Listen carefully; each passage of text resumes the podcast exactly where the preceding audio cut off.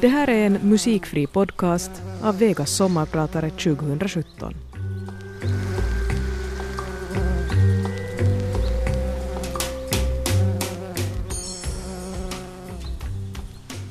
I kön utanför den lilla butiken med texten Alimentara, där står närmare hundra huttrande barn och köar i höstrusk och i duggregn.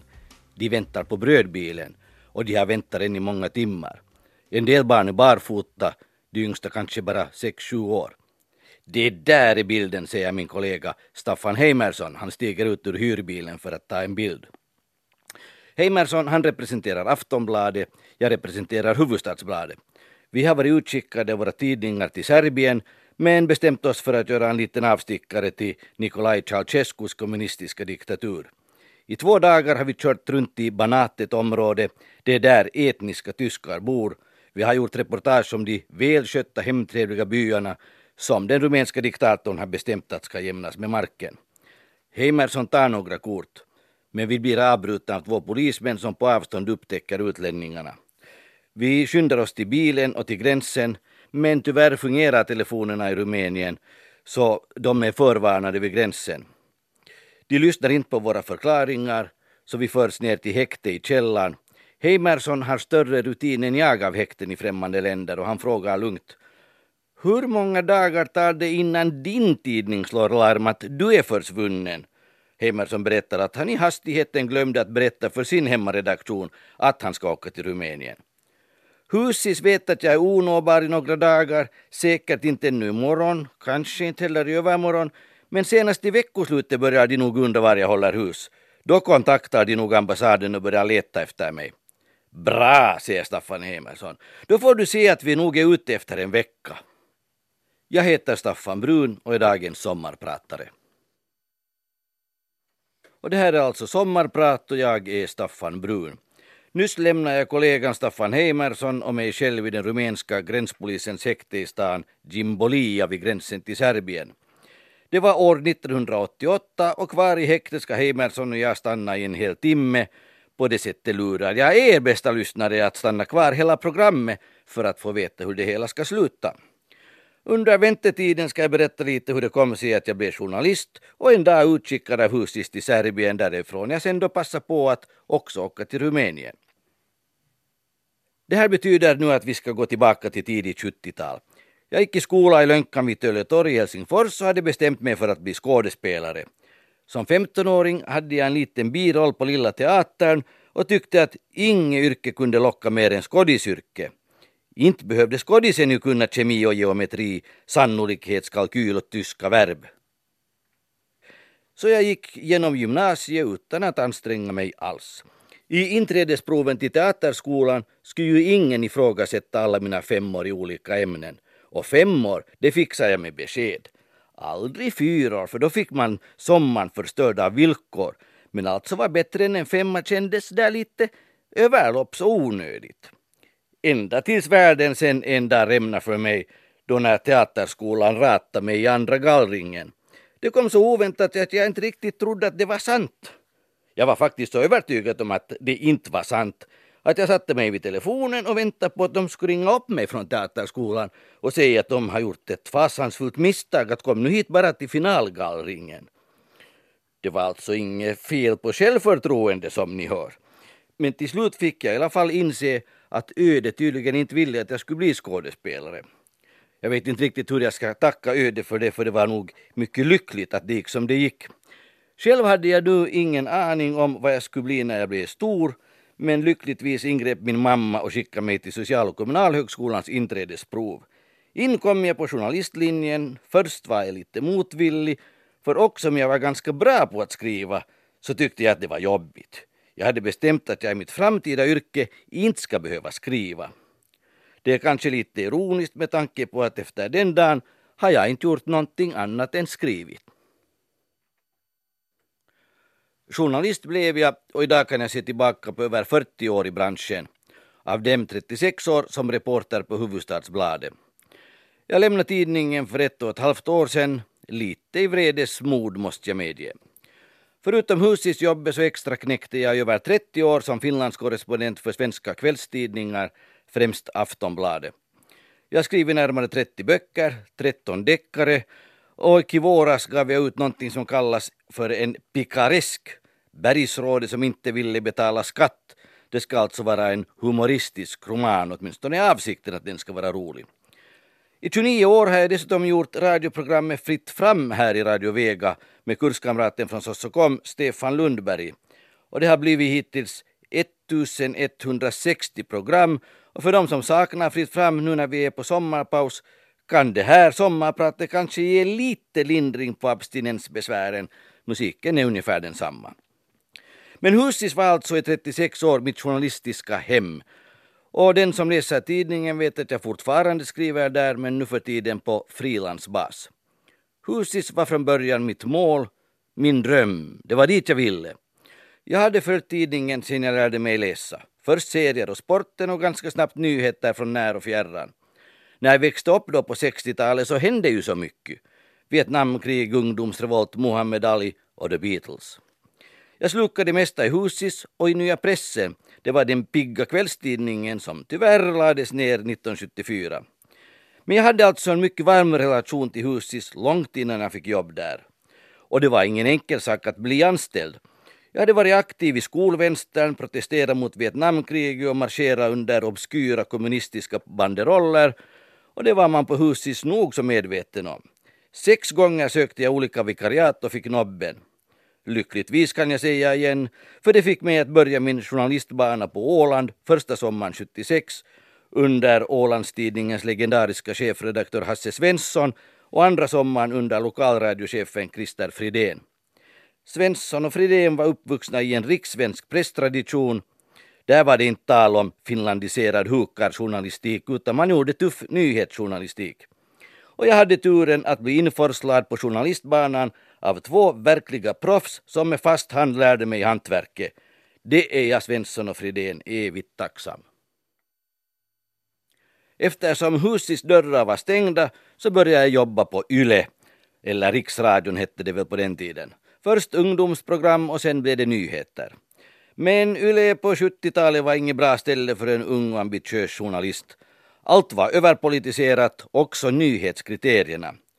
Här ska man minnas att vi levde i någonting som kan beskrivas som den finländska journalistikens förnedringsperiod, när president Urho Kekkonen blandade sig i allt, också i mediernas innehåll. Och de ryggradslösa chefredaktörerna lät det ske. Paasikivi Kekkonen-linjen skulle följas och de vänskapliga förbindelserna till vår stora välgörare och granne Sovjetunionen, de skulle betonas i tid och otid.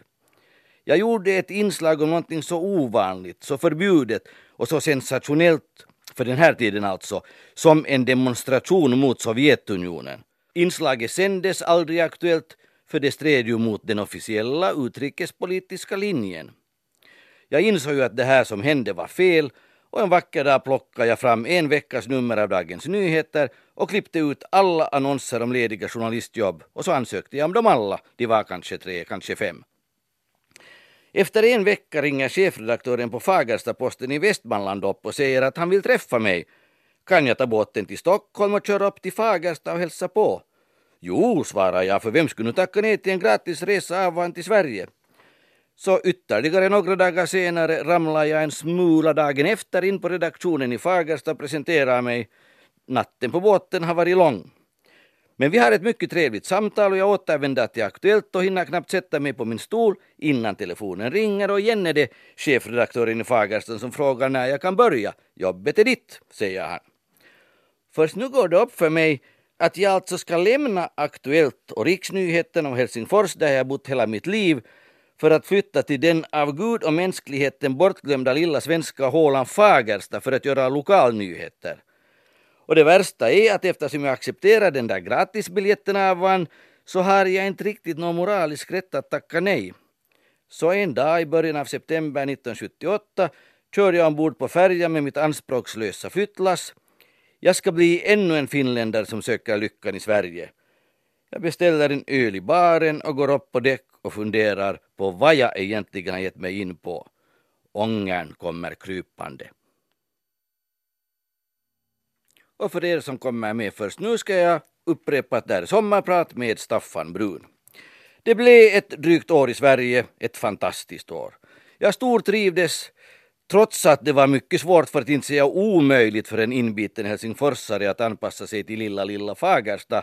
Men jag gick in för jobbet och mina kollegor var unga journalister från alla delar av Sverige som nyss hade gått ut Journalisthögskolan precis som jag. Och vi satte nära i att alla dagar göra världens bästa tidning för norra Västmanland och slå konkurrenten Västmanlands länstidning med hästlängder. Orsaken till att jag anställdes var egentligen så enkel att jag kunde finska. Och stan var full av finska invandrare som arbetade på bruket, rokilla som de sa. När tidningen presenterade mig så skrev jag en liten notis om att nu finns det en reporter som talar finska på redaktionen och att man kan kontakta mig med nyhetstips på finska. Aldrig kunde jag ana hur många landsmän det kunde finnas i en enda liten svensk stad som ansåg sig förfördelade och orättvist behandlade. Jag blev som en sån här social klagolåda och det blev många artiklar om finnar som hade hamnat i kläm eller blivit diskriminerade. Orsaken var i allmänhet att de inte kunde ett enda ord svenska eller annars bara inte kunde försvara sig eller hävda sin rätt. Varje ny artikel ledde till många nya tips. Mycket hade ingen nyhetsvärde alls utan berodde på missförstånd som snabbt kunde klaras upp. Men ganska många tips ledde till nyheter så att de infödda svenskarna började klaga på att tidningen hade gått och blivit ett organ för finnarna. Min sociala tjänstgöring bland finska immigranter handlar inte bara om att avslöja nyheter när någon blir orättvist behandlad. Om jag tillbringar kvällen, vilket händer ganska ofta, på finnarnas pub Travaren så försökte jag gå hem i god tid före klockan 23, för det var då kvällsskiftet gick på. Och om jag var kvar så föstes jag till telefonkiosken. Mitt uppdrag blev då att ringa Fagersta ABs automatiska sjukanmälningsnummer. I andra ändan fråga en röst om personnummer och skift. Två enkla frågor kan man tycka, men de var på svenska och för svåra för många av de finska gästerna på Travaren så det var mitt uppdrag att stå vid telefonen medan alla de som valde att stanna på krogen istället för att gå till jobbet, de stod i kö för att rabbla upp sina personuppgifter åt mig på finska som jag sen översatte till svenska för brukets sjukanmälningsautomat. Och det här är Sverigefinnarnas stora favoritlåt Hektors Lumiteki enkelin eteiseen. I Sverige vakna förstärktes min fosterlandskänsla till oanade mått. Det jag såg av mina landsmän gjorde mig rasande. Det var så många som trots en lång tid i Sverige inte ens behärskade grunderna i svenska och de behandlades som andra klassens medborgare och det här sårade mig djupt. Attityden bland svenskarna var att finnar är korkade suputer som tar till kniven så fort det blir gräl. Till en början förstod jag inte alls deras skämt om finnar och knivar utan sa oförstående att i, ja, i Finland där behöver vi kniv bara när vi rensar fisk så de där svenska kollegorna måste förklara att man i Sverige betraktar alla finnar som knivtokiga. Så i mig vaknar nu en fundamentalistisk finsk nationalist som i alla sammanhang försvarar mina landsmän och Finland och förtalar Sverige. På redaktionen pågick därför en sån här daglig landskamp Finland-Sverige. Åh nej, nu är finnen igång igen, klagar mina kollegor när jag till exempel jublar och hurrar extra mycket varje gång Ingemar Stenmark körde av slalombanan och avbröt eller när Björn Borg förlorade i tennis. Under mitt år i Fagersta började saker och ting röra på sig på Mannheimvägen i Helsingfors. Jag hade lärt känna mina blivande husiskollegor på pressklubben och så hade jag fått en liten stödtrupp som tyckte att Husis borde anställa mig. Det var Tom Vuori, Sture Gadd, Jan Lindén som förmedlade kontakt till nyhetschef Erik Appel och de ordnade så att jag skulle börja skriva reportage till Husis från Sverige. Så det blev några längre artiklar. Och inte bara till Husis utan varje gång någonting av riksintresse hände i Fagersta så lärde jag mig att också skicka ett litet bidrag till Expressen. Där fick jag stöd av finlandssvenska kollegor som Jan Mosander och Kalle Hård. Redaktionschefen på Expressen uppmanade mig hösten 79 att söka sommarvikariat och den vägen komma in i huset. Och samtidigt ringer de från Husis och säger nu är det klart, nu får du komma. Husis erbjöd alltså fast anställning från årsskiftet 80, Expressen ett sommarvikariat ett halvt år senare. Men det här valet var till slut mycket enkelt och det avgjordes inte av de här tidningarna utan av min blivande fru som fanns i Helsingfors. Så jag började på Husis 1 januari 1980 och gifte mig en månad senare. Jag hade fått mina två stora kärlekar i livet.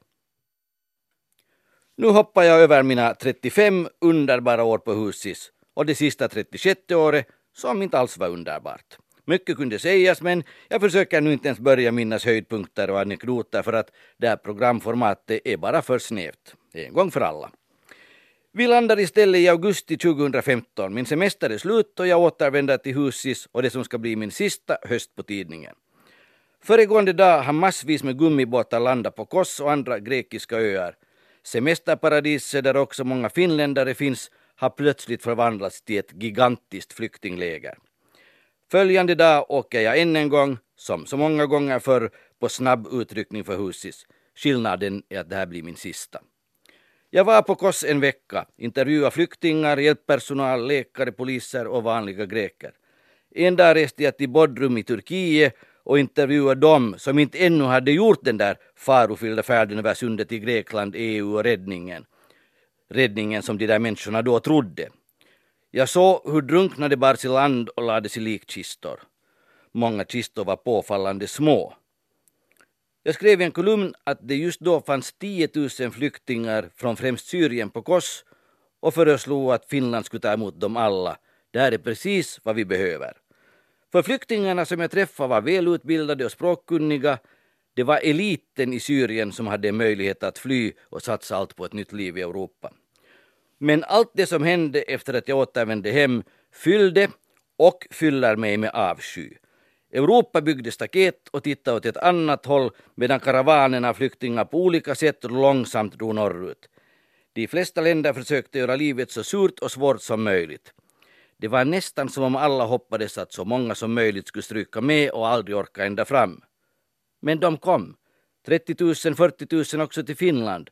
Många måste ta sig genom Ryssland upp till Kolahalvön för att köpa sig en begagnad ladda för att nå gränsen. Och efter det startade våra myndigheter den här vidriga processen med att behandla invandrarna så illa som möjligt så att de självmant skulle ångra sig och resa hem. Och de som inte själva förstod att åka hem fick negativa asylbesked och kastades ut. Om inte alla, så i alla fall en majoritet. Europas länder börjar tävla om vem som kan behandla invandrare allra sämst för att få det värsta rykte så att flyktingarna i framtiden väljer ett annat land. Och än idag sitter miljoner flyktingar fast i Turkiet och Libanon och Grekland och västvärlden tittar åt ett annat håll. Det som nu händer har allt för många likheter med behandlingen av judiska flyktingar på 30-talet i Europa. Då sa man aldrig mer. Men nu händer det framför våra ögon i hela Europa varje dag och vi låter det ske. Det är avskyvärt, det är skamligt och det är dumt. För alla de som ser sina nära och kära lida och dö, de har ett minne. En dag kommer Europa att få betala räkningen för vår kortsynta egoism. Varför ska Europa och Finland ta emot flyktingar? Jag ska ge några svar. För det första, det är så enkelt att folk själva ska få bestämma var de vill bo och var de vill söka sin lycka. Det är inte jag, det är inte EU, det är inte regeringen, det är inte heller någon annan som har rätt att bestämma var en annan människa ska bo och arbeta. Är man liberal och högaktar frihet så måste den friheten också inbegripa rätten att själv välja var man vill bo. Och för det andra, människor som är på flykt lider nöd. De lämnar sina hem, släkt och vänner för att komma bort från krig, bomber, Isis och olika vidrigheter som är så hemska att vi inte ens vill höra några detaljer. De betalar en förmögenhet för en livsfarlig färd på en gummibåt till ett ogästvänligt Europa. De skulle nog överväga andra möjligheter om det fanns några. Den som har hjärta på rätt ställe kan inte blunda för de här människornas nöd. Att hjälpa borde vara medmänsklig självklarhet. Och för det tredje så behöver vi de här människorna. Finland föråldras med hög fart, vi behöver arbetskraft, vi behöver nya idéer, nya impulser, nya människor. Det sägs att Finland är superbra på att tillverka varor, men vi kan inte sälja och därför slår svenskarna oss på fingrarna gång efter gång. Och vad kunde då vara bättre för vårt näringsliv än att importera folket som har en tusenårig basarkultur i sina gener och i sitt blodomlopp. Basararnas försäljare är precis vad vår exportindustri behöver. Ta hit dem! De två länder som har tagit emot mest flyktingar i Europa är Tyskland och Sverige. Och vilka två länder har den starkaste ekonomin? Jo, Tyskland och Sverige. Och det här kan inte vara någon slump. Och för det fjärde, vi behöver nytt blod av rent estetiska skäl. Se på gatan i Stockholm, Paris, New York. Vackra människor i alla tänkbara olika kulörer. Och titta på en gata i Helsingfors. Sorry. Vi finländare blir inte vackrare av inavel och isolering från omvärlden. Vi behöver mera sydländskt temperament och lite mörkare nyanser på kroppen. Vi blir inte vackrare utan hjälp utifrån. Efter 36 år som reporter på Husis sa jag upp mig och blev frilansjournalist och författare. Jag skriver fortfarande för Husis men jag har ingenting med tidningens nyhetsbevakning att göra utan levererar större stories vid behov. Ganska mycket historia, vilket folk som läser tidningen säkert har märkt. Jag ska nu inte gå här in på orsaken till att jag slutade, men jag sa det då och jag säger nu. En dagstidning som inte innehåller nyheter, alltså det viktigaste som hände igår, den tidningen har inget existensberättigande. Idag är webben full av så kallade nyheter, falsifikat, alternativa nyheter, åsikter, kolumner, bloggar, osanningar och ibland tydligen också lögnkampanjer som maskineras av främmande makt. Att orientera sig på webben och veta vad som är sant och vad som är åsikt och vad som är lögn, det är inte lätt. Det finns därför en stor social beställning på hantverket Dagstidningen. En plats där man samlar de viktigaste händelserna från föregående dag och kompletterar med kommentarer, analyser och bakgrund. Allt inom pärmar som har början och slut så att läsaren kan orientera sig. Och det här hantverket ska utföras av professionella, pålitliga journalister som kan sin sak, strävar till objektivitet och följer de etiska reglerna. Och för säkerhets skull säger jag att det här hantverket ännu en tid gärna ska tryckas på papper, men att det ganska snart finns bara digitalt. För tre år sedan monterade Konstsamfundet ner Husis som nyhets och rikstidning för Svenskfinland. Slagordet då var att nyheterna ska bort, för nyheterna finns ju på webben. Det här var ett stort och onödigt misstag, för vad är Svenskfinland utan en sammanhållande rikstidning? Konstsamfundets hopplösa roende och hopande som ägare till lokaltidningar har slutat lika illa. Västra Nyland och Östnyland, alltså gamla Borgobladet, de har krympts ner till tvådagarstidningar och då ska man minnas att Åland, som är så mycket mindre än Öst och Västnyland, har två lokaltidningar som utkommer med elva papperstidningar i veckan. Öst och Västnyland får nöja sig med två i veckan. Vem som helst förstår ju att det inte är nylänningarna som är extra ointresserade av tidningar. Om Vasabladet och tidningen Åland gör miljonvinster medan kollegorna i Nyland står på randen till undergång så kan det bara bero på inkompetenta ägare. Konstsamfundet har gång på gång visat att man saknar kunskap och vilja att ge ut högklassiga tidningar. När man en dag skriver hur det gick till när Nyland förlorade alla sina svenska tidningar så kommer historiens dom att vara skoningslös mot Kristoffer Taxell och Kai Gustav Berg. När det här programmet började satt jag inlåst i ett rumänskt häkte tillsammans med kollegan Staffan Heimersson. Vi blev sittande där i fyra timmar, sen dök det upp en officer som kunde engelska och började förhöra oss. Heimersson skötte snacket och jag låtsades bara kunna finska, för vi räknade ut att i annat fall skulle de ha oss att tala i kors. Efter en stund sa officeren att vi är fria att åka vår väg, bara vi är ifrån oss våra filmer först. Heimersson försökte bluffa med en hög otagna filmer, men så dumma var inte säkerhetspoliserna. Så de genomsökte först bilen, sen vårt bagage och när inte det gav resultat blev det dags för kroppsvisitering. Stå på dig Staffan, sa Heimerson uppmuntrande när han fördes in i ett bakrum. Och lätt var det för honom att se glad ut, för filmerna de fanns inte i hans ficka utan i min. När det blev min tur att visiteras så hittade rumänerna förstås snabbt filmerna. Sen fortsatte de hårdhänt att genomrätta resten av kroppen och med ett sånt här avskedsknytnävslag mot mina känsligare delar sa de farväl Kom aldrig mera till Rumänien, ni är inte välkomna. Heimerson och jag satte oss i bilen och körde in i Serbien. Och gott folk, jag tror inte att någon människa någonsin har blivit lika glad som vi två över att vara i Serbien. Och som förstås artiklarna i huset lite senare måste illustreras av teckningar. Det fanns liksom inga bilder. Sommarpratare idag var jag, Staffan Brun, och vi ska hoppas att solen lyser lika varmt och tryggt över er alla där ute på den sommarvisten som solen lyste över mig och Heimerson den där höstdagen 1988 då vi så lättade körde in i det efterlängtade Serbien.